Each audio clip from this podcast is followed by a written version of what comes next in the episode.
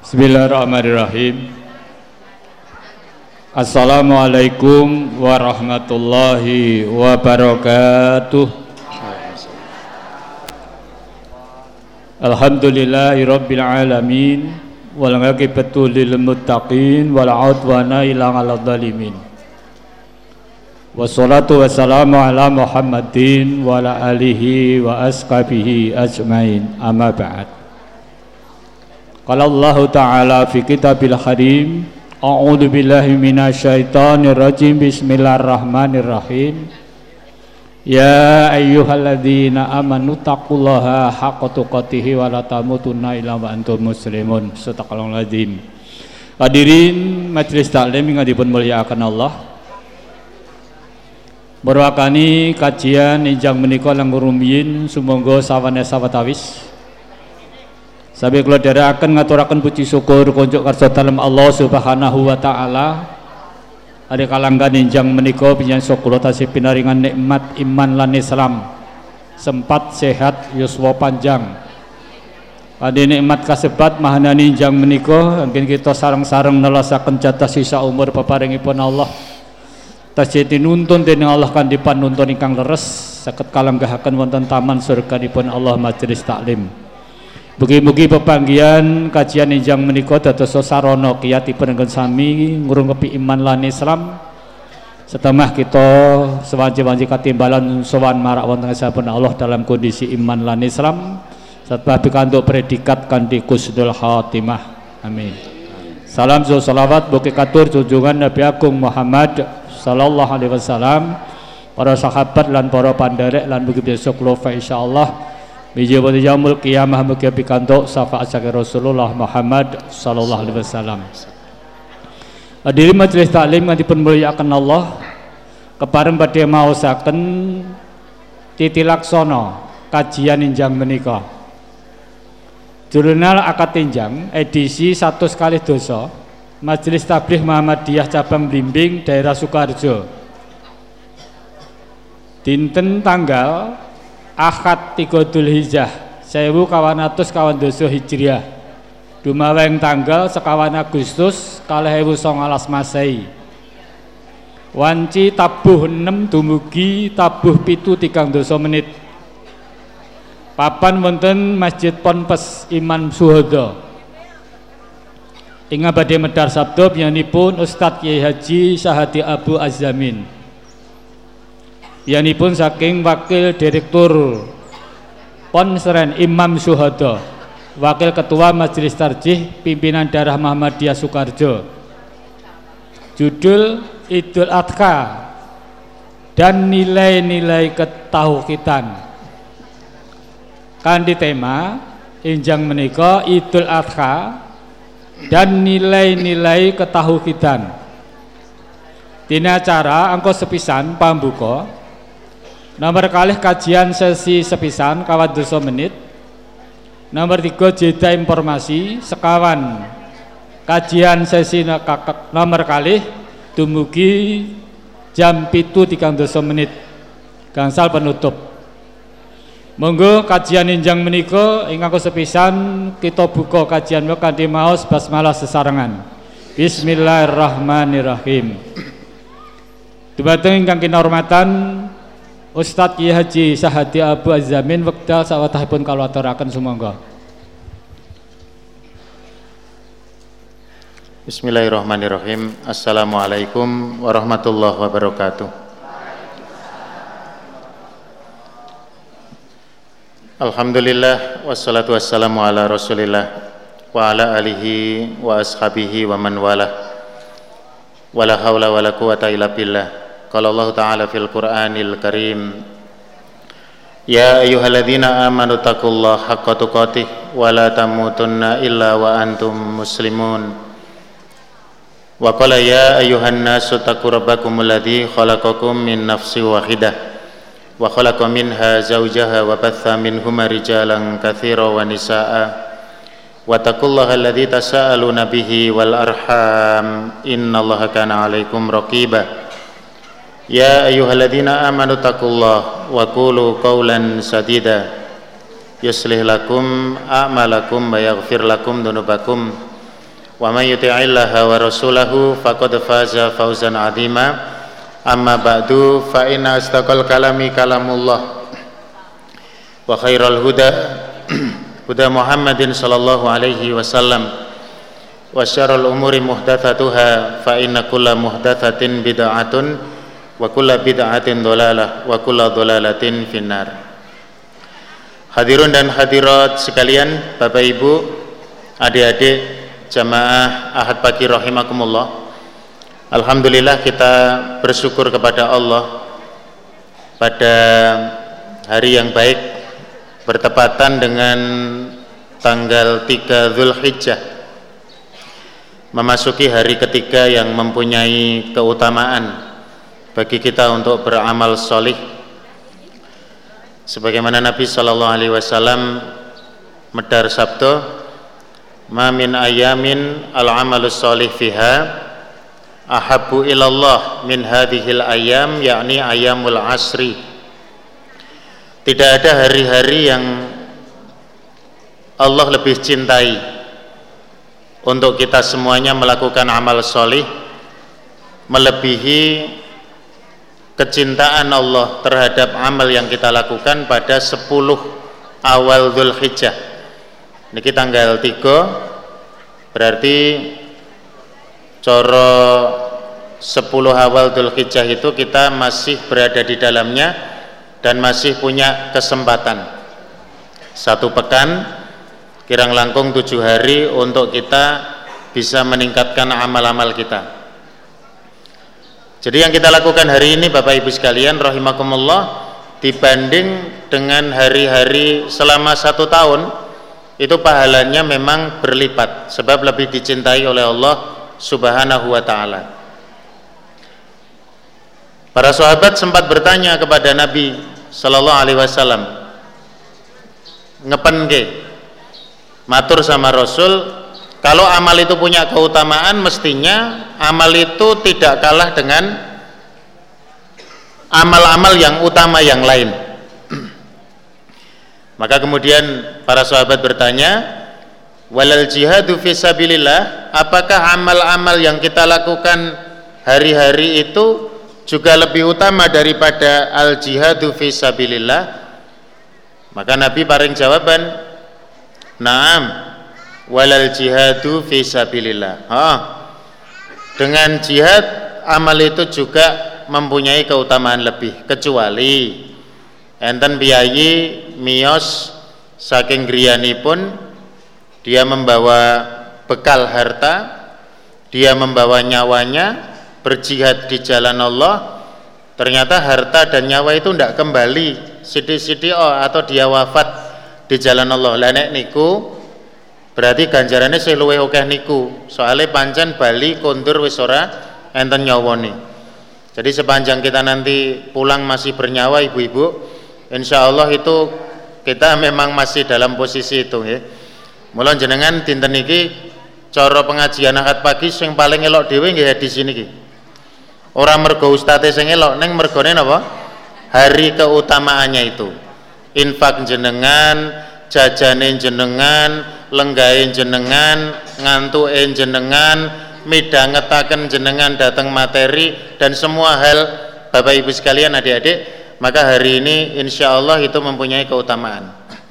Baik kita coba ngesto akan dawuh koordinator dan panitia untuk mengkaji Idul Adha dan nilai-nilai ketauhidan dulu kita ketemu di sesi Ramadan dan nilai-nilai ketauhidan sekarang Idul Adha dan nilai-nilai ketauhidan jadi Bapak Ibu sekalian, adik-adik, Idul Adha ini terkait dengan bagaimana kita menggali nilai-nilai tauhid harus kita pahami bahwa dia tidak berdiri sendiri. Artinya Allah Subhanahu wa taala melalui lisan Rasul sallallahu alaihi wasallam itu sudah menuntun kita untuk menyambut Idul Adha yang berada di bulan Dhul Hijjah ini dengan berbagai macam instrumen. Supaya ketika kita berbicara mengenai Idul Adha hari raya penyembelihan ini nilai-nilai tauhid itu senantiasa sudah kita kantongi sehingga betul-betul ketika kita menghadapi Idul Adha itu kita siap mendapatkan suntikan tauhid dosis tinggi oleh persiapan-persiapan sebelumnya. Kados dene kautaman sasi Dzulhijjah. Sasine para haji. Bulannya para haji. Maka dari haji ini saja, Bapak Ibu adik-adik, kita sudah bisa membaca bahwa tatkala kita memahami ibadah haji itu dan umroh sebagai satu ibadah yang paling utama dalam rangkaian hari-hari yang Allah tetapkan selama satu tahun dalam 12 bulan kan sing paling elok niku kan haji itu mujahadahnya kesungguhannya segala sesuatunya kan memang luar biasa. Ini sebetulnya sudah merupakan sinyal. Tidak ada orang haji itu dia serta merta terus ngelakoni haji niku mboten enten. Mesti dia mempersiapkan. Napa melihat Indonesia sing jenenge antri niku bae ya antri ajeng haji niku. Duit duit itu tidak bisa langsung dia berangkat. Ada regulasi yang harus dia jalani untuk antri untuk memenuhi waiting list dan sebagainya. Kecuali mungkin duitnya rodok oke okay. antrine soroto cepet itu bukan berarti uang banyak itu bisa mempercepat antrian tapi setidaknya uang banyak itu juga bagian dari persiapan. Maka Bapak Ibu adik-adik sekalian rahimakumullah berkaitan dengan Idul Adha dan nilai-nilai tauhid ini tidak bisa dilepaskan dari itu semua ritual haji ini kalau jenengan bersani dari mulai syarat rukun wajib sunnah sampai pembatal-pembatalnya lanu borambe yang ada semuanya ternyata mengkondisikan kita supaya senantiasa berpegang kepada nilai-nilai tauhid ini. Dan siapa peletak dasar daripada haji ini tidak lain dan tidak bukan adalah Abul Ambia kalau kita terjemahkan itu bapak ipun para nabi yang dia oleh orang-orang orientalis itu diberi gelar bapak monoteism. Bapaknya tauhid kalau bahasa kita. Yang meletakkan dasar-dasar haji itu adalah Nabi Ibrahim alaihissalam. Maka mesti pun, ya, ketika kita kembali kepada rukun Islam yang dibangun di atas lima hal, salah satu daripada lima hal itu adalah menunaikan haji ke Baitullah, mestinya para haji kita, para hujaj, Bapak Ibu yang sampun tindak haji, walhamdulillah, atau ibu yang menjadi hajah itu mestinya bisa menjadi suri toladan dalam persoalan tauhid ini sebab tadi coro dipun etang berupa kesulitan ibadah yang sifatnya terikat dengan waktu haji ini Masya Allah luar biasa memang kesulitannya. Jangankan ibadahnya ubo rampe sing nemplek tenggen haji ini kadang-kadang juga sudah menguji kesabaran seseorang dan ketauhidan seseorang. Apakah dengan gelarnya apakah dengan situasi sebelum berangkatnya apakah dengan situasi setelah kepulangannya menikah estu nguji pun betul-betul bisa menjadi haji yang mabrur atau tidak? Maka Bapak Ibu sekalian jadi tatkala kita mau betul-betul menggali nilai tauhid melalui Idul Adha tidak bisa dilepaskan dari perjalanan beragama kita bulan-bulan sebelumnya termasuk Ramadan kemarin. Panjenengan kula yang mempunyai orientasi tauhid yang benar ketika kemarin kita menjalani Ramadan kita lulus dari madrasah Ramadan mendapatkan keutamaan syukur-syukur mendapatkan keutamaan bertemu dengan malam kemuliaan atau Lailatul Qadar maka dipastikan penjiwaan terhadap bulan Dhul Hijjah yang di sana ada Idul Adha ini menjadi semakin mantap untuk kita bisa memahami nilai-nilai tauhid itu. Dan nanti Bapak Ibu sekalian kita akan pahami bahwa persoalan tauhid ini ternyata bukan semata-mata persoalan teori yang kita perbanyak kajiannya tetapi tidak menghasilkan pribadi-pribadi yang berkualitas. Tetapi esensi daripada tauhid yang kita kaji itu tidak sekedar teoritis tapi pengejauhan tahane kudu cetha. Di antaranya tatkala kita menjalankan ibadah-ibadah mahdoh yang khusus berhubungan dengan Allah ataupun dalam persoalan muamalah itu kita dihiasi dengan nilai-nilai tauhid tadi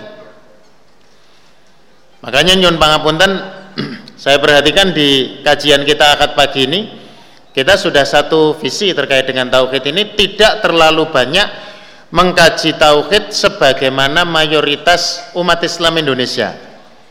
Kata-kata pun umat Islam kok Bapak Ibu ngaji tauhid itu mereka berdiskusi pada wilayah perdebatan ilmu kalam. Mereka berbicara mengenai mantik, mereka berbicara mengenai logika ya sebetulnya itu memang ilmu-ilmu yang penting tetapi tidak sekedar itu rata-rata yang kita kaji di majelis-majelis akad pagi dari poro alim ulama yang kita jadikan panutan yang kita teladani adalah kita mencoba untuk mengimplementasikan nilai-nilai tauhid itu. Maka Idul Adha ini momentum yang luar biasa. Jadi saya perlu matur Bapak Ibu bahwa Zulhijjah ini nilainya mestinya terutama di 10 awal pertama ini kita memposisikan tidak kalah dengan Ramadan. Sebab keutamaannya juga tidak kalah dengan Ramadan. Nah kadang-kadang persepsi yang ada di masyarakat kita itu Ramadan sebagai syahrun mubarak bulan yang mulia kemudian di situ sebagai bulan puncak. Lah ini kekeliruan. Sebetulnya Ramadan itu kan coro tangga itu adalah titik tolak bagi kita untuk bisa mencapai keberhasilan di puncak bulan-bulan dalam Islam yaitu di bulan Dhul Hijjah ini.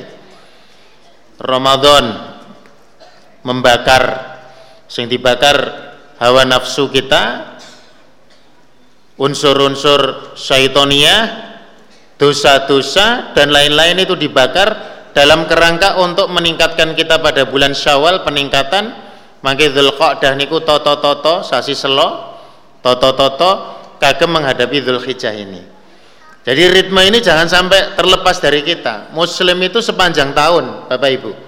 Dari Muharram Sofar Rabiul Awal Rabiul Thani Jumadal Ula Jumadal Thaniyah Rojab Sya'ban Ramadan Syawal Dhul Qa'dah atau Dhul Qidah dan Dhul Hijjah itu rentetan satu peristiwa tapi faktanya kan pengajian akad pagi niki yo nganggo munggah nganggo medun. Angger Ramadan niku sing rawuh kuatah. Padhoane napa? Infake rada akeh. Tapi ketika setelah Ramadan Syawal niku nyusut rada-rada nyusut. Ini catatan dari administrasi nggih. Saya tidak tahu, mungkin jenengan jane infak ning ra kondo-kondo lali ora dilebokke kan yo ora ngerti. Jadi memang besar kemudian menyusut. Padahal sebetulnya tidak begitu. Mestinya terus meningkat, meningkat, meningkat, meningkat atau setidaknya kalau menurut grafik bulan Hijriah itu Ramadan coro infak pikanto 14 yuto pamane ya. Itu Syawal yang meningkat sedikit 14 250 ribu lah. Kemudian Dhul Qodah ya selo rada santai, sudo sithik lah. Kemudian Dhul Hijjah ini puncaknya, mestinya begitu. Karena memang ritmenya seperti itu. Nah, Bapak Ibu sekalian, sehingga penjiwaan terhadap nilai-nilai tauhid dalam Idul Adha itu di Indonesia kan memang dirasakan tidak sehebat ketika Ramadan.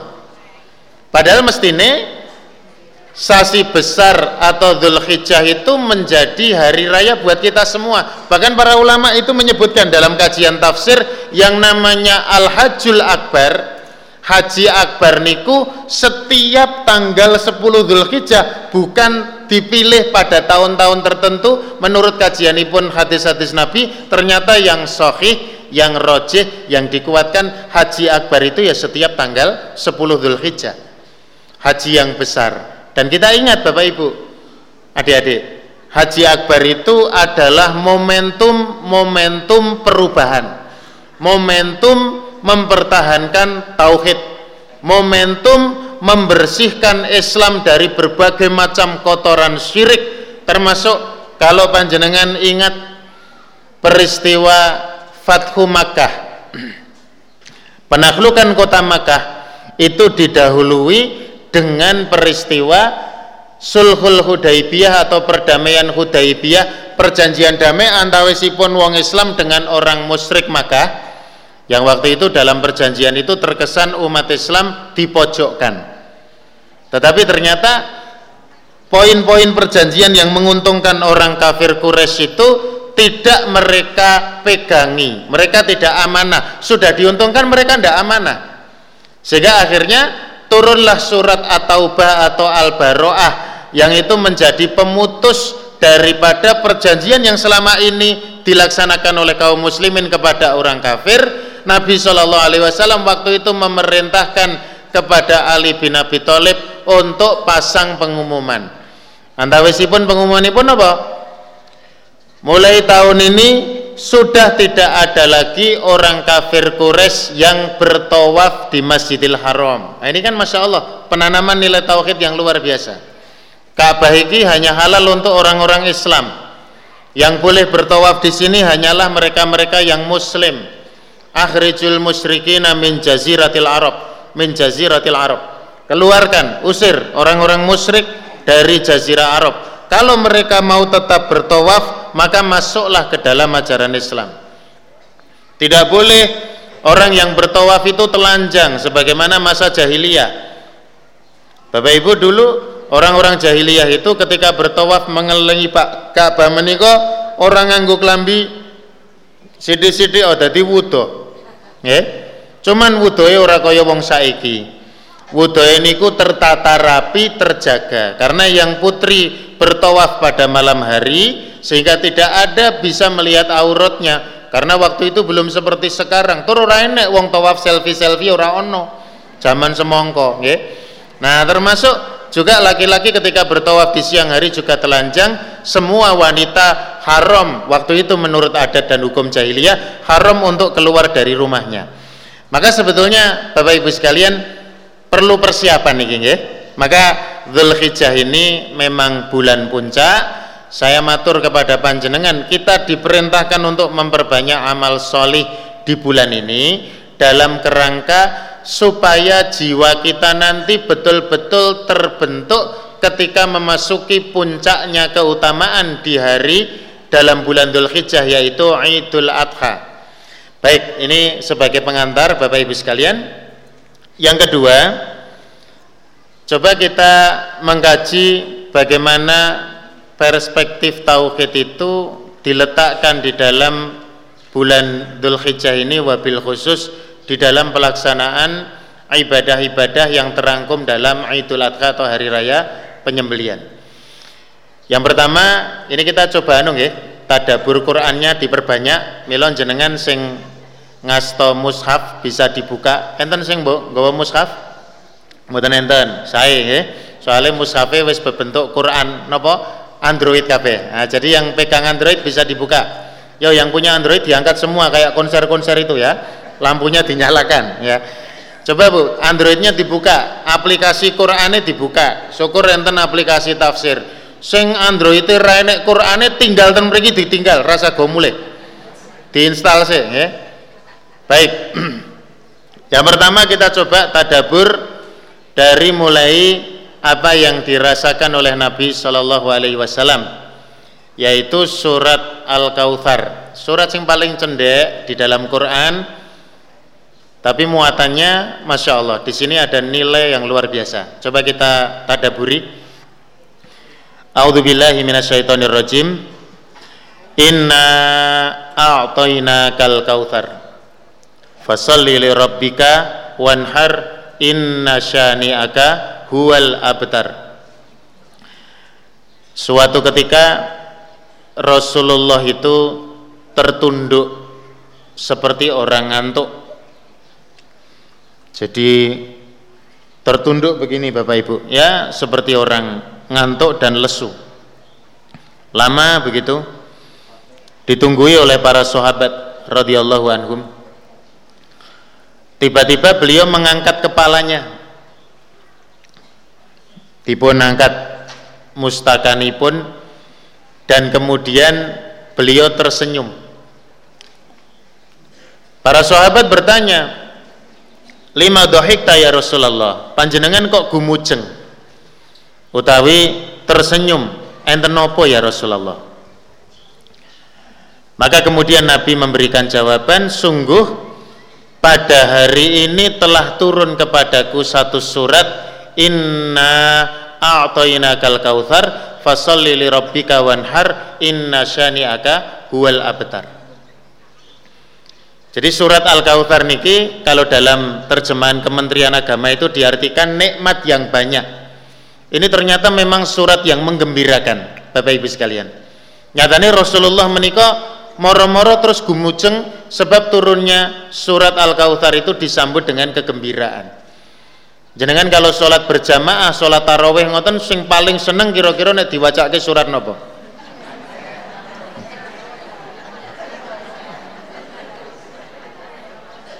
Eh? Al-Kautsar. Saya itu paling seneng baca Al-Kautsar. Mesti nek terawih kula ngimami rekaat ke-8 niku mesti Al-Kautsar. Dadi ben nggo tondo tilungkas ki arep bubar iki iki. Mau ini dawa-dawa ya rada dawa ngoten tapi terakhir Al-Kautsar. Satu memang secara makna Al-Kautsar itu menyenangkan, berbicara mengenai nikmat yang banyak. Yang kedua juga ayatnya pendek sehingga mudah bagi kita untuk mengkaji, tapi muatannya luar biasa Bapak Ibu. Apa yang disebut dengan Al-Kautsar ini? Al-Kautsar itu diberi makna oleh terjemahan Kementerian Agama dengan makna tafsiriyah nikmat yang banyak karena Al-Kautsar itu bentuknya adalah telaga utawi nahrun danau atau sungai yang Allah berikan kepada Nabi Muhammad Sallallahu Alaihi Wasallam di suargo atau di jannah dan di situ ada kebaikan yang banyak. Orang kalau bicara danau, orang kalau bicara sungai, orang kalau bicara telaga itu mesti membayangkan sesuatu yang indah-indah. Jenengan bayangke telogo sarangan, niku kan bayangannya kan yo indah, meskipun reget banget telogo sarangan niku. Wong tinggo sarangan regetan pirang-pirang niku, tinggu kumpulan wong yes tumindak sirik tumindak nopo-nopo kan saya wonten neng beriku tapi orang piknik mas refreshing mas neng di orang neng angkat pagi neng sarangan. Lo neng sarangan ngopo? Wong sarangan kenal pot birang-birang neng kene dada tekan kono. Oke neng telogo kok mas? Orang bicara tentang kehidupan. Maka termasuk al kautsar ini adalah bagian daripada kebaikan yang banyak. Masya Allah kanan kirinya itu ada semacam karang atau pepohonan yang itu terbuat dari emas, terbuat dari mutiara. Tanah ini ku dicawuk itu kalau kata Rasulullah Sallallahu Alaihi Wasallam tanah sing dicawuk ini ku diambu seperti bau kesturi. Mana ada sungai di Indonesia seperti itu? Enak sungai kidul jenengan niku dicawuk ngono malah ambune ra karu-karuan gitu. Nah, masalahnya tinggal cawe niku wae nuwun sewu Nah, ini ini maaf ya Bapak Ibu. Memang Al-Kautsar itu luar biasa. Dalam beberapa riwayat ketika para ulama mencoba menakar, ini bukan persis menggambarkan tidak, tapi kita diberikan ilustrasi oleh Profesor Tantowi Jauhari dalam Al-Jawahir fi Tafsiril Quran itu ya. Itu Al-Kautsar itu luas, tapi ternyata luasnya ya cuman ya cuman ini maksudnya hitung-hitungannya menungso ning mboten pas banget, bisa lebih jauh bisa kurang kira-kira ya sepertiga luasnya provinsi Jawa Tengah inilah Bapak Ibu. Nah, kita membayangkannya begini. Minongko membangun konsepsi tauhid dalam jiwa kita al kautsar yang di situ ada kebaikan yang banyak. Kata Nabi Shallallahu Alaihi Wasallam umatku sesuk ki bakal rebutan untuk bisa masuk ke al kautsar itu. Nah, saya berharap betul kula lan jenengan sing lenggatem mriki niki sesuk rasah ngantri ngoten lho. Dadi bangsa nggon ngarep dhewe sik-sikan niku iso entuk nggon ngarep nek tekone modele rada telat-telat ngono kuwi ya rada ngalamat tok nggih. Iki wis setengah pitu lho. Oh, toko pengajian malah mbok seneni balik sisan wae ngoten ya. Ning ndi-ndi nyet pengajian niku sing entuk telat jamaah ustate ra entuk coba ustadz telat limang menit terus dibal-bel bal-bel niki jamaah pun sami kempal loh pak. Lunti tuh kok kene saya kopong ngoten nah bapak ibu sekalian orang tadi datang berebut itu di Al Kautsar itu. Tidak begitu luas nek diukur dengan umatnya Rasulullah sejak masa beliau hidup dan juga umat-umat Nabi yang lain wallahu alam. Dalam beberapa riwayat itu memang kita lihat dengan jelas itu dikhususkan untuk umatnya Rasulullah. Seandainya kita hitung umatnya Rasulullah itu wiwit saking gesangipun Nabi diutus sebagai Nabi dengan 124 ribu sahabat sing derek haji wada kemudian mereka beranak pinak menjadi para tabi'in, menjadi para atba'u tabi'in, menjadi para atba' atba'u tabi'in sampai pada masa kita sekarang ini kan luas, banyak sekali biaya ini. Neng kok ya rapati ombo, memang itu bagian daripada maaf. Dalam konsepsi kita berfastabikul khairat, kita ini memang diajak untuk mengisi tempat yang sempit itu. Berlomba-lomba. Tapi sayang sekali Bapak Ibu sekalian dalam hadis yang dikeluarkan oleh Imam Bukhari dan yang lainnya dinukil oleh Ibnu Katsir dalam tafsirnya ketika umatipun Rasulullah sing ditresnani Nabi loh jadi Nabi niku sampai ngepen ke tenan pokoknya aku ki tresno karo umatku waktu itu diusir beberapa orang atau banyak orang itu dari Al Kautsar itu oleh Allah Subhanahu wa taala sampai lungo kok kene ora kena cedak-cedak kene sehingga Nabi itu dengan rahmatnya kasih sayangnya matur sama Allah. Ya Rob, innahu min ummati. Loh, sing jenengan dawuh supados ken lunga niku umat kula lho ya Allah. Saking tresnane Nabi karo awake dhewe. Itu sampai Nabi itu Masya Allah ketika suatu ketika bertemu dengan sahabat itu beliau berseri-seri wajahnya seperti menampakkan wajah kerinduan. Kemudian beliau mengatakan, Waditu anni lakitu ikhwani. Saya kok kepengen ketemu sama saudara-saudara saya. Para sahabat waktu itu bertanya-tanya, Bapak Ibu sekalian, loh, awalai nahnu ihwanuka ya Rasulullah. Loh, jenengan kok pengen ketemu kali sedulur panjenengan? Lah kami ini kan saudara panjenengan ya Rasulullah. Kami ini saudara panjenengan. Oh bukan kata Nabi, kalian itu sahabat-sahabatku. Kalian itu orang-orang yang hidup bersamaku, menyaksikan aku, sahabat-sahabatku. Antum ashabi. Lah sedulur ke siapa? Ehwan itu siapa? Mereka yang beriman kepadaku neng rong tahu ketemu karo aku lah sedulur-sedulurku ki kuwi. Awake dhewe dhewe niki Bapak Ibu. Besok terjadi naudzubillah ada di antara umatnya Rasulullah yang diaku oleh Rasulullah sebagai saudaranya itu diusir oleh Allah Subhanahu wa taala. Nabi sekedik protes ya Allah ya Rob innahu min umati lo niku kan umatku lo maka kata Allah Muhammad sejatine awakmu orang ngerteni apa sing dilakoni umatmu sakwise kowe iki sedo. Kamu tidak tahu Muhammad setelah engkau meninggal dunia umatmu itu pada ngapain itu tidak tahu. 2500 orang berkumpul untuk pengajian akad pagi tapi yang 12 ribu di Car Free Day.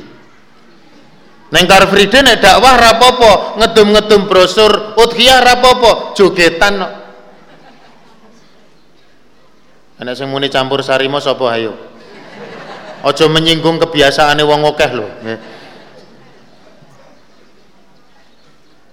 Nah, itu tadi nggak tahu Rasulullah. Ya Rasulullah setelah antum wafat manusia itu ketika menghadapi 17 Agustus malam tirakatan ki oke sing jogetan ya Rasulullah. Maaf loh saya tidak menyinggung ini. Tok leh niki aku sampai gumun semangat sholatnya Masya Allah pengajiannya Masya Allah. Tetapi malam tirakatan 17 Agustus Lailatul Istiqlal. Malam kemerdekaan yang mestinya mensyukuri nikmat Allah dalam rangka untuk meningkatkan iman dan takwa. Ya umpama seneng-seneng ya ora apa-apa jane wong menungso niku dinggo jaga supaya dadi wong apik niku butuh seneng-seneng bareng. Anane dalam hukum taklifi itu ada wajib, ada sunnah, ada makruh, ada haram, ada mubah. Bapak Ibu sing mubah-mubah ki kena dilakoni. Butuh seneng-seneng supaya ora tumindak maksiat ada anak-anak muda itu ketika malam minggon do metu dheweke gandeng nek urip nek melek ora kuat nolak ajakan temennya untuk bermaksiat apel ning gone yange sing somben ora dadi bojone itu kemudian dia melakukan hal yang mubah. Aku tak jam 8 mapan turu timbang aku engko ora kuat. Nonton WA dijak metu aku engko malah metu. Akhirnya jam 8 turu. Mulo turu niku dadi ganjaran dalam kerangka seperti ini. Tidurnya orang bertauhid itu. Nek enten napa? Pangandikan naumul alim khairum min ibadatil jahil niku nggih ngoten niku. Turune wong alim ki luwih elok tinimbang ibadahe wong bodoh ah wong bodoh niku ibadah ra ono manfaate sementara wong alim niku nek turu manfaate pirang-pirang. Wong alim niku nek mangan manfaate pirang-pirang. Wong alim niku nek gojekan manfaate pirang-pirang. Jenengan bertindak pengajian niki mengke terus kondur tekan ngomah, gojekan kali keluarga. Setan mumet niku. Iki piye yo carane menungso iki arep tak gawe sesat ngono piye? Jane karepku bar pengajian yo tak kon rada nang omah, tengok-tengok, merenung, dikir, terus engko dadi wong sing rumangsa elok, terus ujub dadi sombong. Karepku ngono. Lah kok malah mangan-mangan karo keluargane dadi biasa maneh. Hiburan boleh, tidak ada masalah. Iki ya penting. Kaitannya kalau penanaman nilai tauhid, masalah pitulas Agustus sesuk niku seminggu setelah Idul Adha lho beribadah nilai tauhid banter lah kok campur sari? Aku nyet ngomongku banter ben sesuk neng cedak pondok orang enak campur sari kok ben. Lar ngelekke langsung rawani ya pak? Ini pupung dua panggung kok ben. Nah. Ya renungan. Tayyip kita kembali tidak semua umat mungkin kaya sing mbok persepsikan ya Rasulullah. Mereka setelah wafat kamu itu ada yang melakukan maksiat, ada yang bahkan disebut secara khusus dalam riwayat Imam Bukhari kata sing nindakaken bid'ah. Napa sing mboten enten tuntunan berkaitan dengan persoalan ibadah di dalam Islam kemudian dilampahi, mereka terusir itu. Nah, ayat yang kedua, Bapak Ibu sekalian kita lihat di sinilah konsepsi tauhid itu muncul berkaitan dengan Idul Adha. Kata Allah Subhanahu wa taala, sasampunipun dipun emutaken bahwa awake dhewe iki diparingi nikmat sing akeh tenan luar biasa. Ak napa? Akeh pol. Okih pokoknya. Banyak sekali. Ya. Fasolli li rabbika wanhar. Ada dua makna di sini nggih fasolli maka sholatlah lima waktu. Jagonen sholatmu. Sudah beberapa hari ini ada pertanyaan. Mungkin Ustadz Sirizar sudah mengkaji ya. Bagaimana hukumnya kalau orang kurban itu atau berudhiyah itu dia tidak sholat? Nah ini kan jadi masalah. Sebab rombongan sapi wong pitu bae sing sisi sholatnya datnya oke date. Utawa oke nyenge. Tadi malam saya ditanya ngisi di ngepos. Ustadz bagaimana hukumnya kami di desa Gayam Dompo ini hampir setiap tahun guna ke jagal niku jagal niku muslim elok tenan ngeletine cepet bayare murah tur wonge ya apik. Ning mboten salat niku hukumnya pripun coba? Maka diperintahkan tadi fasolli li rabbika wanhar. Salatlah kamu lima waktu sing wajib li rabbika Allah Pak. Murni dalam hal ini sholatnya adalah betul-betul ikhlas karena Allah wanhar dan pun ketika menyembelih itu dia bertauhid mengesahkan Allah atas nama Allah dzabahalillah menyembelih karena Allah. Maka kalau ada orang tidak sholat kok diperintahkan untuk menjadi penyembelih atau jagal udhiyah? Ini pertanyaan besar. Sebab bertentangan secara diametral dengan ayat ini fasolli li rabbika wanhar. Sampean ki salat dhisik lagi mbeleh. Aja sampean mbeleh ora salat bakale kebeleh sok ben ada yang ngeyel juga memang. Lah masalahnya orang sholat niku kan terus kajiannya apakah dengan dia meninggalkan sholat itu kafir atau tidak? Makanya kan terus dikaji dengan para alim ulama. Lah nek kafir niku kafire wong sing salat niku kafir murtad berbeda dengan orang-orang Kristen atau Katolik. Nek genah Kristen Katolik ahlul kitab niku miturut kata-kata ulama sembeliannya malah isi halal. Wa ta'amul ladzina utul kitaba khillul lakum wa ta'amukum khillul lahum. Daharane ahlul kitab kuwi malah isih lumayan. Selama ahlul kitab itu kita yakini menyembelih dengan nama Allah. Tapi kalau orang tidak sholat itu kafirnya kafir murtad. Lah ini kita di masalah Milon jenengan bu pengurung kebacun kok jagal-jagal niku diteliti sih non sewu nggih. Ya umpama ora sholat kuwi paling ora sholat subuh tepat waktu ngoten mawon. Ora sholat ngasar tepat waktu ngoten mawon. Neng nek sajake kathah salate napa mboten nih? Wah nek niku nggih dereng diitung niku Pak. Lah sing ngitung terus apa? Fasal lili robika wanhar. Bapak Ibu, wanhar ini adalah konsepsi tauhid, menyembelih karena Allah, maka batas antara halal dan haramnya makanan sembelian kita adalah tatkala diucapkan nama Allah. Mana yang kedua? Fasal lili robika wanhar kowe podo solato idul adha solat sunnah dua rakaat dengan takbir ziyadah tujuh pada rakaat pertama dan lima pada rakaat kedua kemudian setelah itu menyembelihlah lirobika karena Allah ikhlas karena Allah seorang pemulung di Mataram ya sudah perso videonya di televisi kita itu menyumbangkan 10 juta untuk sebuah masjid digunakan nggih tumbas sapi. Pemulung sing maaf bukan pemulung juragan rosok kaya Mas Semar Gelondongan, bukan ya. Bukan juragan-juragan itu, tapi pemulung yang sebenarnya. Ya, gaya hidupnya, penampilannya, keadaannya niku nek cara wong gawe-gawe arep supaya viral malah ora enek gambare betul-betul mungkin dia ikhlas karena Allah bisa. Berarti konsep tauhid di sini. Maka persoalan tadhiyah atau mengorbankan sesuatu, Bapak Ibu, udhiyah itu penyembelian. Para ulama memang tidak ada yang mengistilahkan kurban niku mboten enten. Sebab nek kurban niku napa sing dilampahi putranipun Nabi Adam alaihi salam tatkala Kobil dan Habil itu mengorbankan sesuatu. Yang satu mengorbankan tumbuh-tumbuhan atau hasil panen tanaman, yang satu mengorbankan hewan ternak. Sing jenenge kurban roba kurbanan fatuku bila min ahadihima walam yutakobal minal akhor sing siji ditompo sing siji ra ditompo sing ditompo niku dagingnya dipundhut kali Allah saestu sementara kita ingat kita hanya menyembelih tapi yang sampai kepada Allah adalah ketakwaan kita. Maka di sinilah ujian tauhid kita betul-betul diberikan oleh Allah Subhanahu Wa Taala.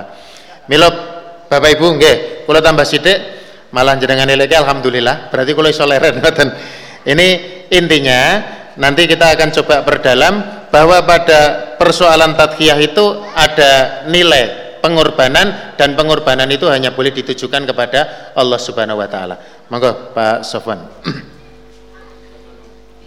Cek. Betul Ustaz. Iya kleresan bilih infak akhir nurun at. Tapi kalau ingin sampai meningkat Alhamdulillah 9 juta 649 Insya Allah menikah mangke 11 juta Insya Allah Bapak Ibu Majelis Ta'lim mengajikan bayakan Allah monggo badhe ngaturaken jeda sak informasi Hingga kesepisan, laporan keuangan akad pagi edisi kemarin, edisi 119 tanggal 28 Juli kali hebu songolas. Saldo awal gangsal welas atau seket rupiah. Pengeluaran gangsal yuta satu ewu tiga ratus seket rupiah. Saldo akhir sedoso yuta satu kawan ewu enam ratus seket rupiah. Infak kalau wingi sangang yuta 600 kawan dosa songo ewu pitongatus rupiah. Nomor kali mohon kepada jamaah sekalian untuk bisa memutar kotak infak. Mohon juga untuk membuang sampah di tempat yang telah disediakan. Mohon juga untuk bisa dirapatkan tempat duduknya mohon untuk melepaskan alas kaki saat memasuki area wudhu dan kamar mandi masjid C Insya Allah setiap akad keempat kajian akad pagi akan digunakan untuk tanya jawab agama. Jadi kepada jamaah bisa menuliskan pertanyaan dan dikumpulkan ke dalam kotak infak yang diputar. Insya Allah akan dijawab oleh Ustadz Solahuddin Sirizar LCMA. Dibagi jamaah yang hendak mengumpulkan infak kotak kubah lazismu bisa diserahkan kepada petugas lazismu di depan gerbang masuk dan atas nama lazismu mengucapkan terima kasih. Kemudian F bagi jamaah yang hendak mengumpulkan amplop permohonan dana pembangunan ruang kelas MI Muhammadiyah Lemah Bang bisa diserahkan panitia atau dimasukkan kardus yang telah tersedia baik di, di utara ataupun selatan pintu masuk. Bagi yang belum sempat mengambil amplop surat permohonannya bisa menghubungi panitia dan atas nama panitia pembangunan MI Muhammadiyah Lemah Bang mengaturkan matur nuwun. Kemudian informasi pengajian akad pagi pekan depan minggu minggu ngajeng akad 11 Agustus kalih songolas pengajian libur. Libur kok seneng. Sebab nyarengi hari raya Idul Adha. Insya Allah pengajian dipunlajengaken tanggal 18 Agustus kalih songolas edisi satu selikur insyaallah. Ing badhe medar sabdo pun Ustadz Kiai Haji Rosian Pariadi SAG MSI pengurus Majelis Tarjih dan Tajdid Pimpinan Pusat Muhammadiyah. Mekaten mugi-mugi panitia nenggo kerawan penjenengan. Selajengipun tambahan gandeng pengajian menika milik kita bersama ingkang rawuh rumiyin keparenga mapan wonten papan ingkang sampun sedia tengah menika. Lenggahipun mangke ampun wonten mriku-mriku. Nek dereng penuh mangke pindah sanesipun. Ingkang miyos saking kidul panitia nyuwun ngapunten mboten wonten ingkang ngomong tamu. Sebab pintu ingkang dipun sediakan pintu depan, ning kok medal pintu wingking. Nyuwun ngapunten panitia mboten wonten ingkang ngamung tamu karena terbatas. Kanthi menika panitia ngaturaken nggih panuwun. Kap semanten jeda informasi panitia nenggo benjing akad tanggal 18 Agustus mugi-mugi saged rawuh sedaya insya Allah. Monggo Ustaz SDK kalih faktor kulaturaken sawetahipun. Baik, jazakumullah khairan. Bapak Ibu kembali kita lanjutkan. Sekarang yang kedua, tadi kita mencoba tadabur dari surat Al-Kautsar. Saya cukupkan ya.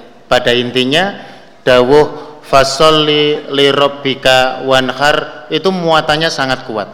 Salatlah ente karena Allah dan kemudian menyembelihlah atas nama Allah. Salatlah ente Idul Adha karena Allah, kemudian menyembelihlah udhiyah juga karena Allah. Yang kedua, kita akan mencoba mengkaji dan mentadaburi nilai-nilai tauhid dari Idul Adha ini fokus kepada bapak ipun para nabi yaitu Nabi Ibrahim alaihissalam. Nanti dari dua nabi ini saja ya, Bapak Ibu dari Nabi Muhammad sama dari Nabi Ibrahim. Sebab memang dua nabi ini nabi yang khusus. Panjenengan kalau mau sholawat dalam sholat setelah baca syahadat Allahumma salli ala Muhammadin wa ala ali Muhammad kama sallaita ala Ibrahim wa ala ali Ibrahim. Ini solawat ini ditujukan kepada kedua nabi saja dalam solat kita. Tur boten meng nabi ini beserta keluarganya juga. Berarti memang ini ada kekhususan bagaimana Ibrahim alaihissalam itu secara lengkap mengajarkan konsepsi tauhid ini melalui wasilah Idul Adha. Monggo sing asta mushaf atau yang sudah hafal dibuka pada surah As-Saffat sing biasane dibaca mubalik. Santri-santri boleh buka HP silahkan. Tak cekel HP nenggo. Surat As-Saffat ayat 99 sampai seterusnya. Nanti secukupnya waktu kita kaji. Baik yang pertama pada ayat 99 dan 100 A'udzu billahi minasyaitonir rajim Inni dhahibun ila rabbi sayahdin Rabbi habli minas solihin Pendek-pendek ayatnya kita coba baca. Ini sesungguhnya aku Ibrahim Zahibun ila Robbi Pergi menghadap kepada Robku Kepada Tuhanku. Sayahdin Engkang Tuhanku nanti akan memberikan hidayah Atau petunjuk kepadaku Selanjutnya Nabi Ibrahim mengatakan Robbi habli minas solihin Ya Rob, ya Tuhan Berikanlah atau anugerahkanlah kepada saya dari kalangan orang-orang yang solih. Coba Bapak Ibu, sing paling apik pancen ngaji nopo-nopo niku selalu diawali dari Al-Qur'an. Sebab niki berkahi Al-Qur'an niku piyambak, sing nomor loro sumber sing paling valid itu adalah Al-Qur'an. Jadi ayat ini menceritakan bahwa Nabi Ibrahim itu kan perjalanan perjuanganipun untuk menjadi manusia yang bertauhid itu dimulai sejak kecil. Sampai beliau menghadapi berhala-berhala yang waktu itu disembah oleh penduduk Babilonia dan Namrud sebagai rajanya kemudian terjadi satu peristiwa dan mukjizat besar dibakar di dalam kobaran api yang begitu hebat itu Nabi Ibrahim buatan terbakar sidik-sidik oh. Karena pertolongan Allah. Ya naru kuni bardan wasalaman ala Ibrahim. Wahai api dadiyo adem lan kasalamatan tumrape Ibrahim. Bapak Ibu coba kita membayangkan posisi kita hari ini dengan teknologi yang sedemikian hebat dengan orang-orang yang punya kesaktian yang begitu hebat. Itu belum pernah kita melihat dengan mata kepala sendiri itu orang dibakar api itu tidak terbakar kecuali dalam sulap-sulap itu. Tapi Nabi Ibrahim alaihissalam ini Masya Allah sudah Allah kasih satu mukjizat yang maha hebat di mana ketika beliau dibawa atau dilemparkan menurut beberapa riwayat digunakan apa semacam pelontar itu untuk melemparkan beliau ke kobaran api yang dahsyat. Ternyata tak satu pun dari anggota tubuhnya yang terbakar nalare kudune doke sing beriman. Tetapi diberikan kemujizatan seperti itu ternyata tidak ada dari mereka itu yang beriman. Secara signifikan itu jumlahnya tidak ada.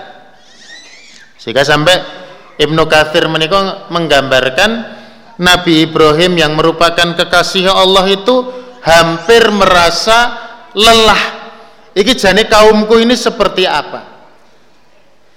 Tetapi kemudian yang terjadi Bapak Ibu sekalian yang dimuliakan Allah adik-adik, Nabi Ibrahim tidak putus asa.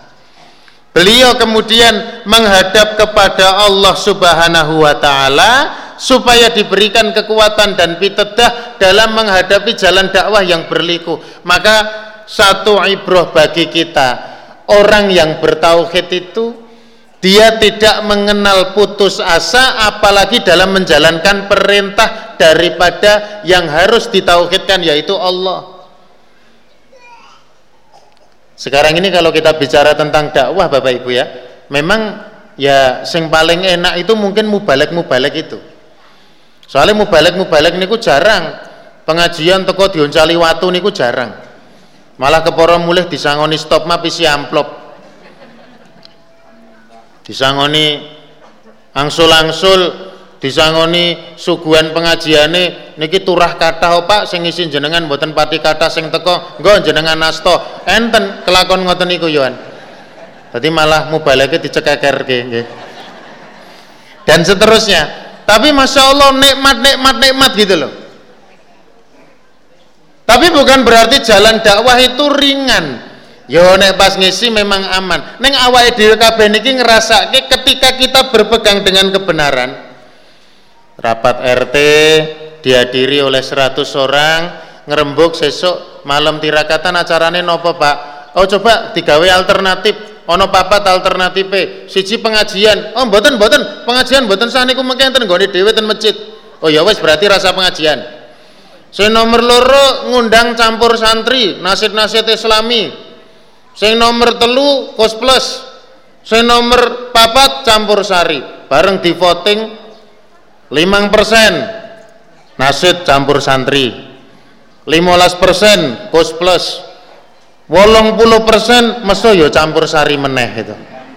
Dangdutan nah, ini memang butuh jogetan oh pak. Dan sebagainya bapak ibu sekalian. Orang yang berjuang melihatnya bukan sekedar dangdutane hukumnya musik nopo niku wis rampung ulama wis berbeda pendapat dhisik neng persoalannya hari ini kalau kita bicara tentang hiburan sing basa jogetan niku itu kan berbicara mengenai gaya hidup berbicara mengenai generasi berbicara mengenai persoalan komitmen kita kepada kebenaran wong kasunyatan sing tukang nyanyi-nyanyi oh jare via valen niku yo api oh via valen niku tahu kita elok tenan kok Pak kudunge yo gede tenan Wonge yo sregep ngaji tenan, memperjuangkan amar ma'ruf nahi mungkar. Anake pomo lahir niku yo sok ben diarahke dadi ustazah, ora dadi penyanyi. Bel ora mungkin. Ya wis wis ora ngepal, nggih, itu fitrah. Ya sulit, sulit. Kalau orang bergelut dengan dunia seperti itu kok terus pengen putrane dadi soleh itu sulit. Ingat ayat yang kita baca Robbi habli minas solihin. Oh jenenge dakwah itu berat. Nabi Ibrahim niku menggalih ngeten Bapak Ibu. Iki yang tak terus ke koyone kondisi umatku ki saya berat sebab sampai mukjizat yang begitu sangat hebat saja belum bisa melunakkan hati mereka.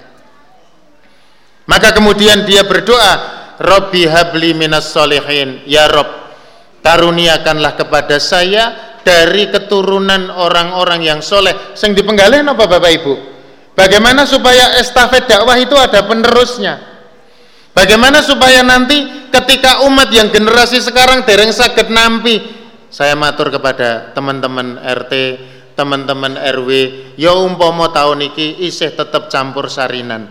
Bercita-citalah supaya tahun depan tidak mendatangkan itu lagi.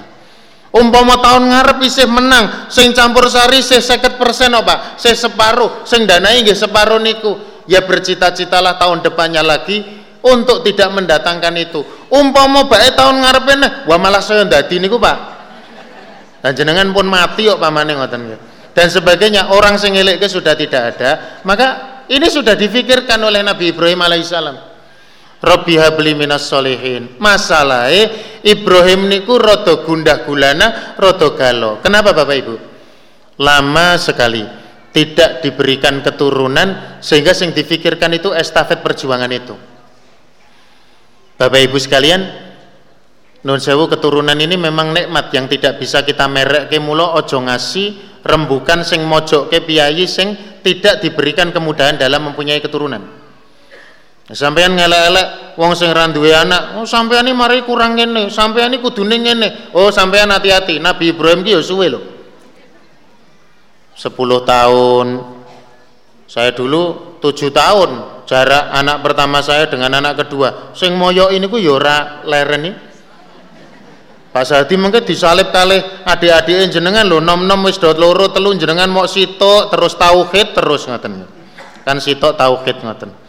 Nah, Ternyata tidak begitu. Nabi Ibrahim alaihissalam itu menunggu kelahiran putra pertama berapa tahun, Bu? Pak. 86 tahun menurut penelitian Imam Ibnu Kathir.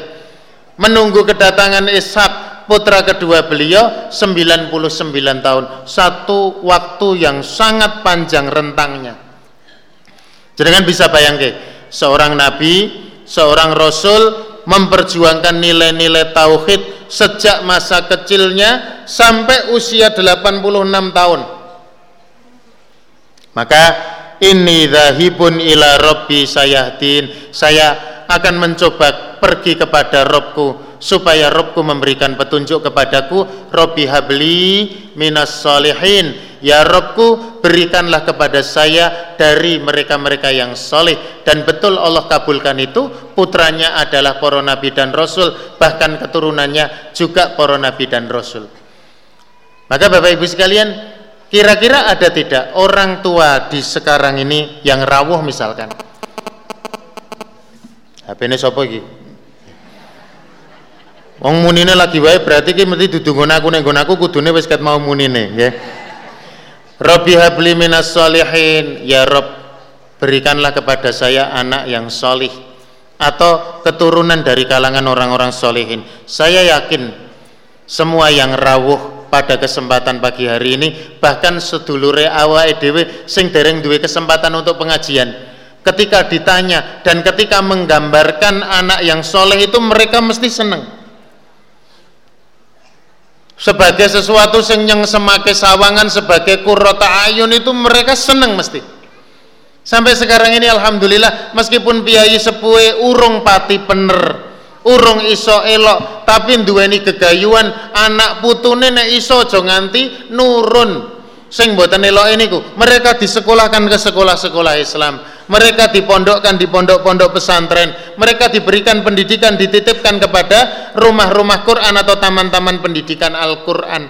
Tapi sayang, karena jiwa ketauhidan belum terbentuk sehingga semangat untuk menjadikan anak soleh itu masih dibarengi dengan mendua kemaksiatan yang mestinya itu dihindarkan supaya anak itu betul-betul solih itu tidak mereka tempuh jalan itu saya ulang Bapak Ibu niki soalnya rodo penting sekali lagi mensyukuri nikmat kemerdekaan berlandaskan Idul Adha ini menjadi penting hari ini tidak ada cerita kemerdekaan yang diraih oleh bangsa Indonesia ini diperjuangkan oleh mereka-mereka yang tidak muslim. Yakin ruhul jihad yang betul-betul menjadikan negeri kita ini terlepas dari penjajahan itu adalah ruhul jihadnya kaum muslimin. Sekalipun dalam konsolidasi hasil kemerdekaan selalu umat Islam terpinggirkan. Piagam Jakarta digantikan dengan yang lain dan seterusnya. Itu sudah biasa. Kita ini memang kaum-kaum yang berjuang dan tidak begitu pengen dengan hasil-hasil perjuangan di dunia. Maka ayat ini nomor sangang doso songo dumugi satu meniko sebagai satu orientasi kalau kita pengen betul-betul bertauhid meneladani Nabi Ibrahim berdakwah jangan putus asa. Nah, biasa. Jenenge balik ono sing seneng ono sing ora niku biasa. Ada orang menasehati kita alhamdulillah jazakumullah khairah Pak Sahadi umpami jenengan ngendikan rodo hati-hati sidik soalnya enten sing boten seneng lho karo sing jenengan ngendikake. Lho Pak ketoke sing boten seneng kula luwih akeh niku? Neng sing seneng niku ya rada akeh ngoten lho niku biasa Bapak Ibu. Oh nuruti senenge kabeh wong ning awake dhewe dadi wong gendeng niku malah wong gendeng niku disenengi kabeh wong. Neng angger wong niku sajrone isih waras, mesti ana sing seneng ana sing ra seneng, napa melih nek sing dadi mboten senenge niku lantaran awake dhewe cepengan ning syariat. Lho tugase wis cetha kok wal as innal insana lafi khus demi waktu asar demi waktu sejatine manungsa menika estu dalam kerugian illalladzina amanu kejaba wong sing iman. Ngendikanipun para ahli tafsir wong sing iman niku membuktikan dengan ilmu fa'lam annahu la ilaha illallah.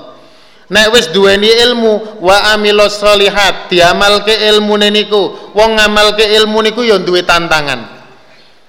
Lagi arep pengajian ngono wis digembosi. Lagi arep berpakaian muslimah muslim sing apik digembosi. Lah digembosi lagi arep tumindak napa mawon digembosi arep kurban digembosi arep berjihad digembosi arep berjuang digembosi. Nembe aja ngamal padahal nek pun wa amilu solihat wa tawasau bil haqqi. Nasihat menasihati dalam kebaikan itu ngendikanipun para alim ulama ada watu ilaihi. Ai ilal amal.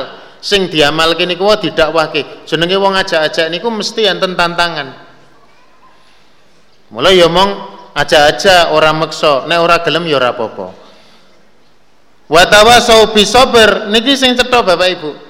Ketika kita ini aja-aja datang ke sainan, datang perkawis yang kita amalkan kan kita diperintahkan untuk bersabar. Itu maknanya asobru alal ada. Awak dhewe niki sabar sebab nopo? Di dalam kita melaksanakan dan berdakwah itu mesti ada gangguan ya kudu sabar. Nah Nabi Ibrahim mencontohkan itu. Di antara konsekuensi daripada kesabaran dalam dakwah niku yen aku rong iso buka atine umat yen aku rong iso buka atine warga yang aku rong iso buka atine jamaah maka saya berharap generasi setelah saya ini mereka yang bisa membukakan hati mereka. Maka Robi habli minas solihin dalam ayat ini ada sesuatu hubungan antara konsepsi tauhid dengan cita-cita untuk membentuk pribadi anak yang solih lah saya yang prihatin itu dalam beberapa liputan acara pitulasan itu jane ora perkara hiburannya semata-mata tapi kan pas tirakatan niku kadang-kadang nek bapak etok sing joget ngoten kula malah sok tentrem. Soalnya sing seneng jogetan memang bapak nyuwun pangapunten bapak-bapak yang masih suka joget ya. Kemudian yang saya kadang-kadang itu ndak habis pikir. Anak-anak mereka yang kalau sore dibawa ke TPG ketika malam itu juga ikut. Wong niku senenge warga sak kampung. Kemudian nonton Pak En joget itu anaknya melu joget. Seneng jero weteng sing do meteng-meteng niku jare ndul ndul nendang-nendang. Kalau nyatane anak dhewe iki sesuk bakare dadi penggantine Via Valen apa iki ketoke? Ya alhamdulillah no malah iso ngangkat derajate wong tuwa. Naudzubillah min dalik ya ana wong ngono kuwi tenan apa ya ana tenan? Kula mboten ngerti. Ning sing disawang niku ketoke enten ngoten lho. Lah niki kan memprihatinkan. Baik saya lanjutkan Bapak Ibu sekalian. Kemudian yang berikutnya pada ayat 102 kita potong-potong ayatnya. Setelah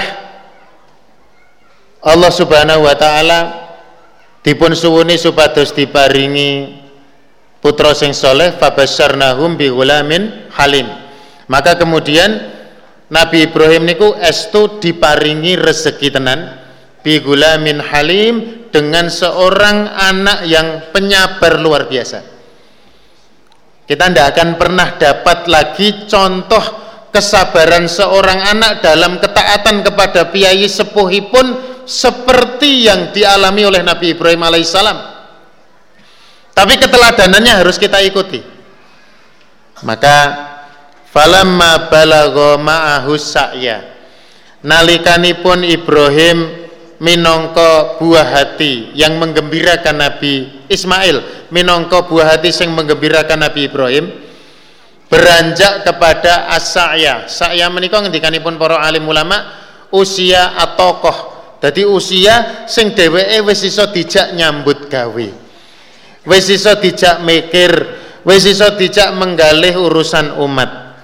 Tatkala dia sudah dewasa saged tindakan bersama bapaknya bahkan bisa untuk diajak memikirkan perkara umatnya.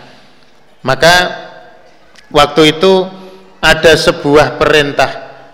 Qala ya bunayya inni aro fil manam anni azbahuka fangdur madza taro anakku bapakmu ki mau ngimpi nenggon ngimpi kuwi dikandake supaya aku nyembelih awakmu sing dawi Allah Subhanahu wa taala.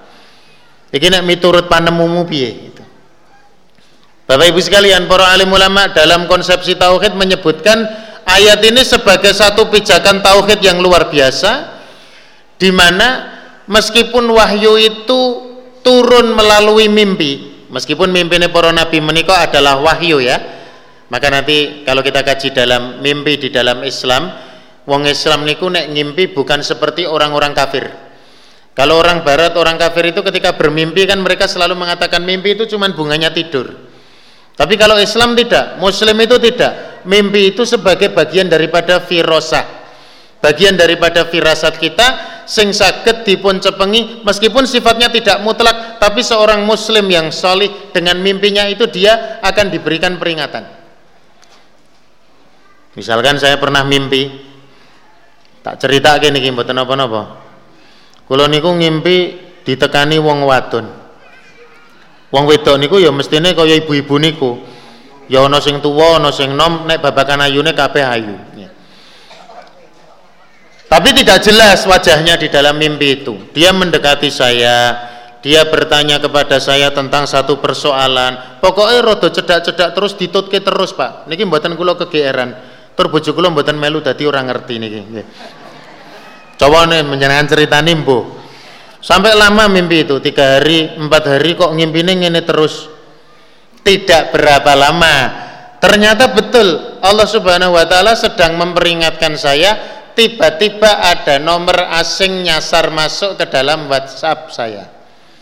Ya, biasa ibu-ibu. Neng kula kusnudon utur yo kula yakin ibu-ibu kira niat macam-macam teko-teko masalah pribadi. Assalamualaikum Ustadz sebenarnya saya ini malu untuk bertanya tapi malu bertanya sesat di jalan ini tambahan kulong ya tapi saya pengen bertanya tentang masalah keluarga. Itu sampai saya stop bu. Cukup. Saya sudah paham karena terpotong-potong WA-nya saya sudah paham dengan pertanyaan jenengan. Saya akan coba jawab miturut ilmu syariat neng jenengan ojo cerita luwe jerum soalnya nek cerita neng jenengan niku ditutup nih atiku iso rontok Ibu tadi cerita masalahnya, saya ibu rumah tangga usia 33 tahun, kan berarti saya luweh nom timbang aku. Aku engko raiso bertauhid malah masna, gitu, repot. Maka falamma balagha ma'ahu sa'ya.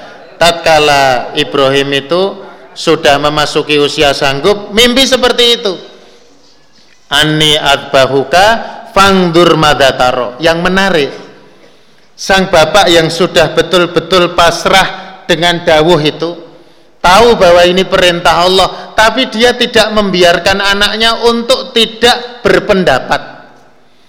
Satu sisi sang bapak menikah menggunakan metode tarbiyah saya bertanya kepada putra saya supaya saya tahu sampai sejauh mana keberhasilan pendidikan saya terhadap anak saya. Bocah dididik wet bayi di berikan nutrisi yang baik dididik untuk menjadi solih TK atau PAUD dimasukkan ke PAUD Islami SD dimasukkan ke SD Islam di rumah juga dididik untuk menjadi seorang muslim yang baik. Arab lulus SD ditakoni le iki umpomo sesuk kowe tak pondok ngono piye? Mondok niku berarti kula turu mboten kalih bapak kalih ibu. Ho ono mondok ya kowe turu neng pondok Berarti kula pas pisah kali bapak kali ibu. Oh no.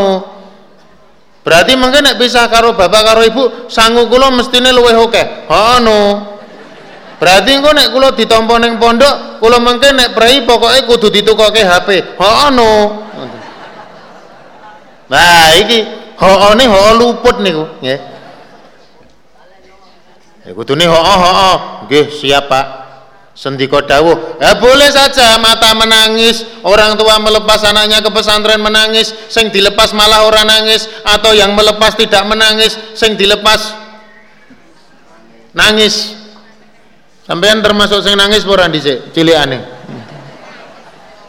Melayu barang teko ngomah barang kok. Sukoharjo Kidul Pasar niku melayu. Kayak pura tele-tele itu. Ditanya, Ibrahim kepada Ismail bertanya, "Panemumu piye nek kudu ngene?" Maka kemudian yang menarik Kola ya abati. Ini saya ternyuh sekali Pak. Ketika membaca ayat ini Kola ya abati. Perkataan Ismail itu tidak langsung menjawab iya atau tidak. Tapi beliau bombong manahipun ingkang Romo ini hanya dipahami oleh para ahli bahasa ya, yang mereka menjelaskan kepada kita tatkala Ismail itu ditanya Fangdur madataro piye panemumu piye nang? Qala ya abadi berkata Ismail ya abadi ayahku yang aku cintai. Jadi nek coro diterjemahkan itu sampai terjemahan kita nggak mencukupi. Wahai ayahku yang betul-betul engkau menjadi idolaku Wahai ayahku yang betul-betul engkau menjadi teladanku. If al matukmar. Kerjakan apa yang Allah perintahkan. Satajiduni insyaallahu minas sabirin. Maka engkau akan mendapati saya adalah sebagai orang-orang yang sabar.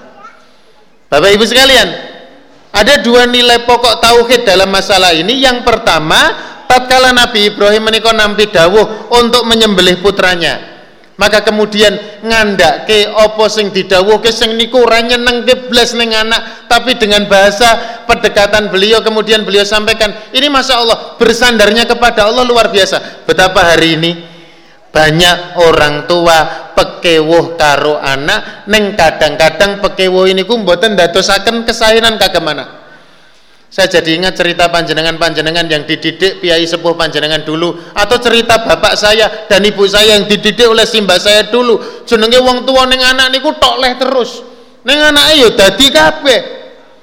Ya meskipun di sana ada yang jadi koruptor, ning kan dadi, nggih. Tapi mantep ngono lho, dadi dadi sisan, ora emiah-emiah ngoten lho. Cetha ngoten lho. Masya Allah yang jadi orang baik juga banyak. Sukses ngoten. Sebab napa? Tok leh Wis pokoke kowe saiki kudu ngenger ning Pak Demu ning Jakarta kono. Sekolah ning kono ora tak sangoni piye carane sebab Pak Demu wis ngomong kowe sing bakal biayai sekolah Pak Demu ning ya kowe ngerti dhewe jenenge melu wong ngenger kuwi ngerti dhewe kudu ngerti gawean. Kowe manut karo apa sing dawuhke Pak Demu. Nggih Pak. Ngenger tenan, mulih dadi wong tenan. Hah? Saiki piye kok karepe piye terusan? Iya tadi uang ya.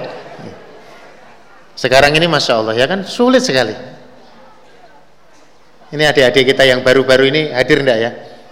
Orang tua anda itu sampai ya Allah ya Robbi saya itu kalau dengar keluhannya orang tua itu sampai wis engko angger wis wanake wis sentek sing dirembuk akhirnya terus pondoke genti akhirnya. Jadi wis mentok Sanak kula kok mboten iso ngeten nggih. Niki pripun carane? Lah marai ustaz-ustate akhirnya golek kambing hitam liyane. Saya bukan membela diri sebagai pengasuh pesantren, Pak. Karena saya juga menitipkan anak saya ke pesantren.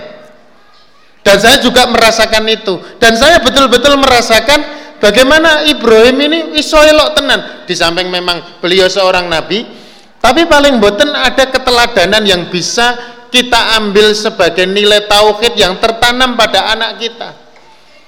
Bapak pun jenengan lampai mawon napa sing didhawuhke Allah. Satajiduni insyaallahu minas sabirin. Ini perkataan yang Masya Allah kalau kita rasakan sangat mendalam loh Pak.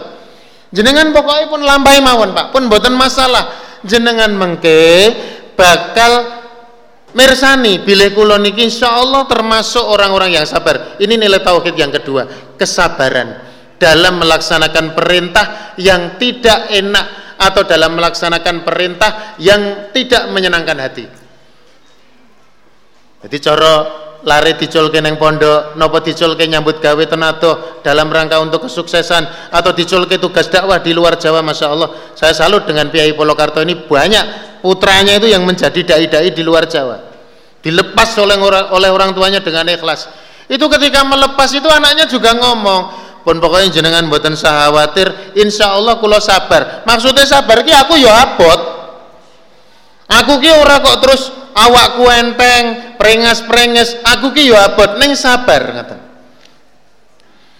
ini Masya Allah Bapak Ibu ya. Jadi ternyata Idul Adha ini mengingatkan kita akan satu peran orang tua di dalam membentuk sikap mental anak supaya tunduk terhadap perintah orang tua yang selalu didasarkan kepada syariat.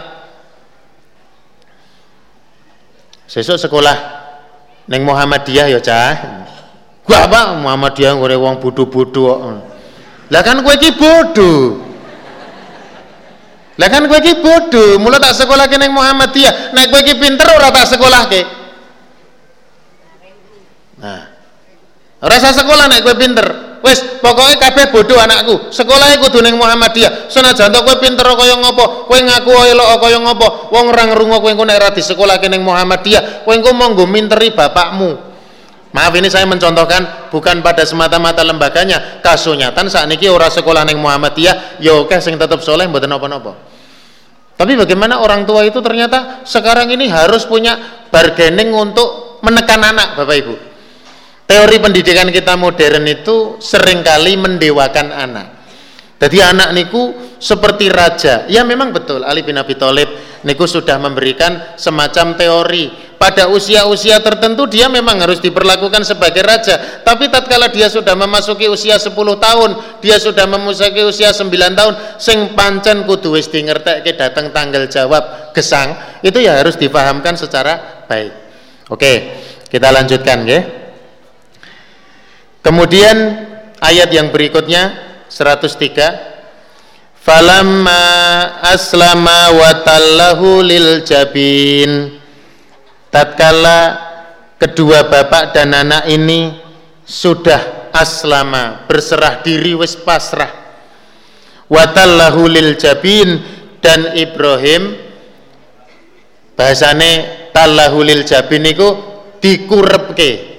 Jadi posisine kepalanya Ibrahim niku bapak ibu diarahkan ke bawah sup, Ismail. Supaya Ibrahim niku tegel ngoten. Sebab nek nyawang raine melihat mukanya yang lucu-lucunya atau mukanya yang menjelang dewasa yang betul-betul dia banggakan kudu disembelih itu berat. Apa nilai tauhid yang bisa kita ambil dalam ayat ini? Falamma aslama. Keduanya sudah pasrah.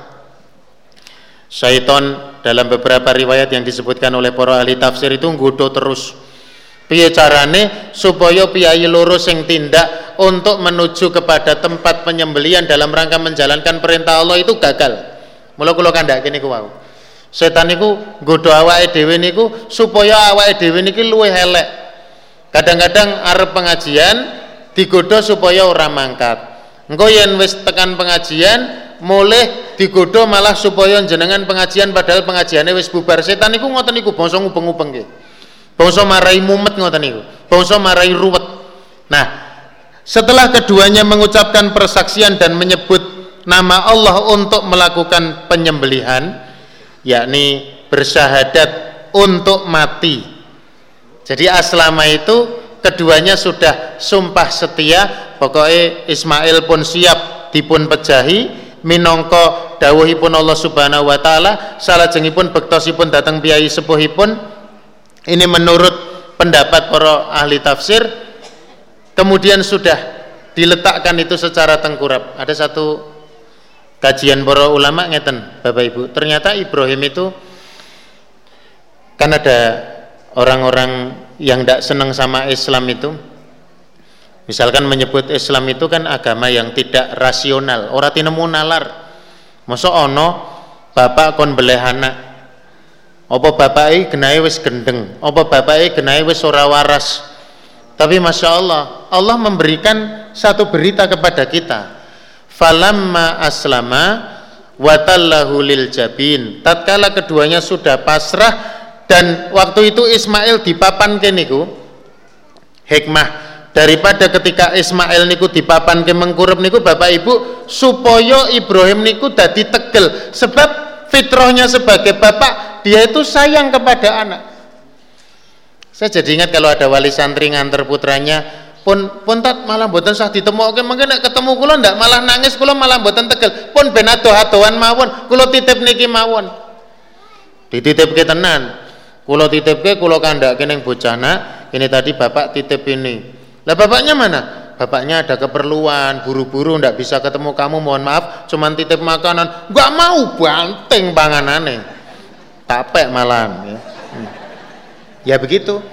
Fitrahnya tidak dihapus Bapak Ibu. Kok terus kemudian Bapak itu kemudian melepaskan anaknya terus tegel-tegel ngoten mboten ya. Ini ada banyak cerita yang jenengan sudah perso tapi pada intinya saya ingin menekankan pada redaksional ayat ya. Maka kemudian di dalam ayat berikutnya wanadainahu ayya Ibrahim qad saddaqtar ru'ya. Sudah posisi siap bersyahadat siap disembelih itu sudah mutlak tingkat tauhid yang paling hebat. Maka nanti satu kata kunci juga yang penting untuk kita garis bawahi karena waktunya sudah mendekati habis. Konsepsi tauhid dalam Idul Adha ini Bapak Ibu ketika kita bisa mendudukkan makna tadhiyah pengorbanan secara tepat. Pengorbanan harta melalui udhiyah pengorbanan perasaan melalui pendidikan anak pengorbanan perasaan melalui dakwah pengorbanan harta melalui dakwah lan ubur sampai sanesipun ingkang kata tadhiyah pengorbanan dan pengorbanan maka kemudian dipanggillah wahai Ibrahim qad saddaqtar ru'ya. Sesungguhnya engkau telah membenarkan mimpi. Maknanya pun apa? Engkau telah akan dawuh dengan menyembelih Ismail putramu yang telah engkau betul-betul cintai itu. Dan kemudian Allah mengatakan inna kadzalika najzil muhsinin. Sesungguhnya kami akan pasti memberikan balasan bagi orang-orang ihsan titik sampai di sini tidak saya lanjutkan karena waktu. Kesimpulan sekedip beberapa hal yang perlu saya matur Bapak Ibu. Idul Adha mengingatkan kita bukan sekedar persoalan daging kurban.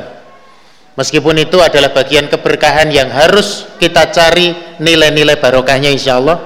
Tapi lebih daripada itu Idul Adha mengingatkan kita akan nilai pengorbanan akan nilai ketauhidan yang dicontohkan oleh Nabi Shallallahu Alaihi Wasallam. Maka panjenengan bika malih ya, di dalam surat Al Kautsar, syukur sing kagungan Android dibuka tafsire, buka aplikasi terjemah tafsir Ibnu Katsir. Kemudian yang kedua juga dari As-Sofat. Kita berharap Idul Adha tahun ini, engkang Insya Allah mangke dawah wonten tanggal 11 Agustus itu betul-betul menjadi titik tolak kebangkitan kepribadian kita dalam bertauhid kepada Allah wabil khusus niku sing langkung umum malih kita berharap majelis akad pagi niki barokai juga memberikan kepada sekitar kita Pak setiap tempat yang jenengan tinggal itu juga mendapatkan barokah. Lantaran awai dewi juga berusaha untuk menjadi pribadi-pribadi yang bertauhid. Diawali dari momentum Idul Adha dilanjutkan mensyukuri kemerdekaan 17 Agustus kemudian menyambut nanti bulan baru atau tahun baru Hijriah yang akan datang lan sapi turutipun. Nyon pangapunten kagem menapa ingkang kawula matur ada kekurangannya mudah-mudahan bisa memberikan barokah. Assalamualaikum warahmatullahi wabarakatuh Batur nuwun Ustaz, mugi teteso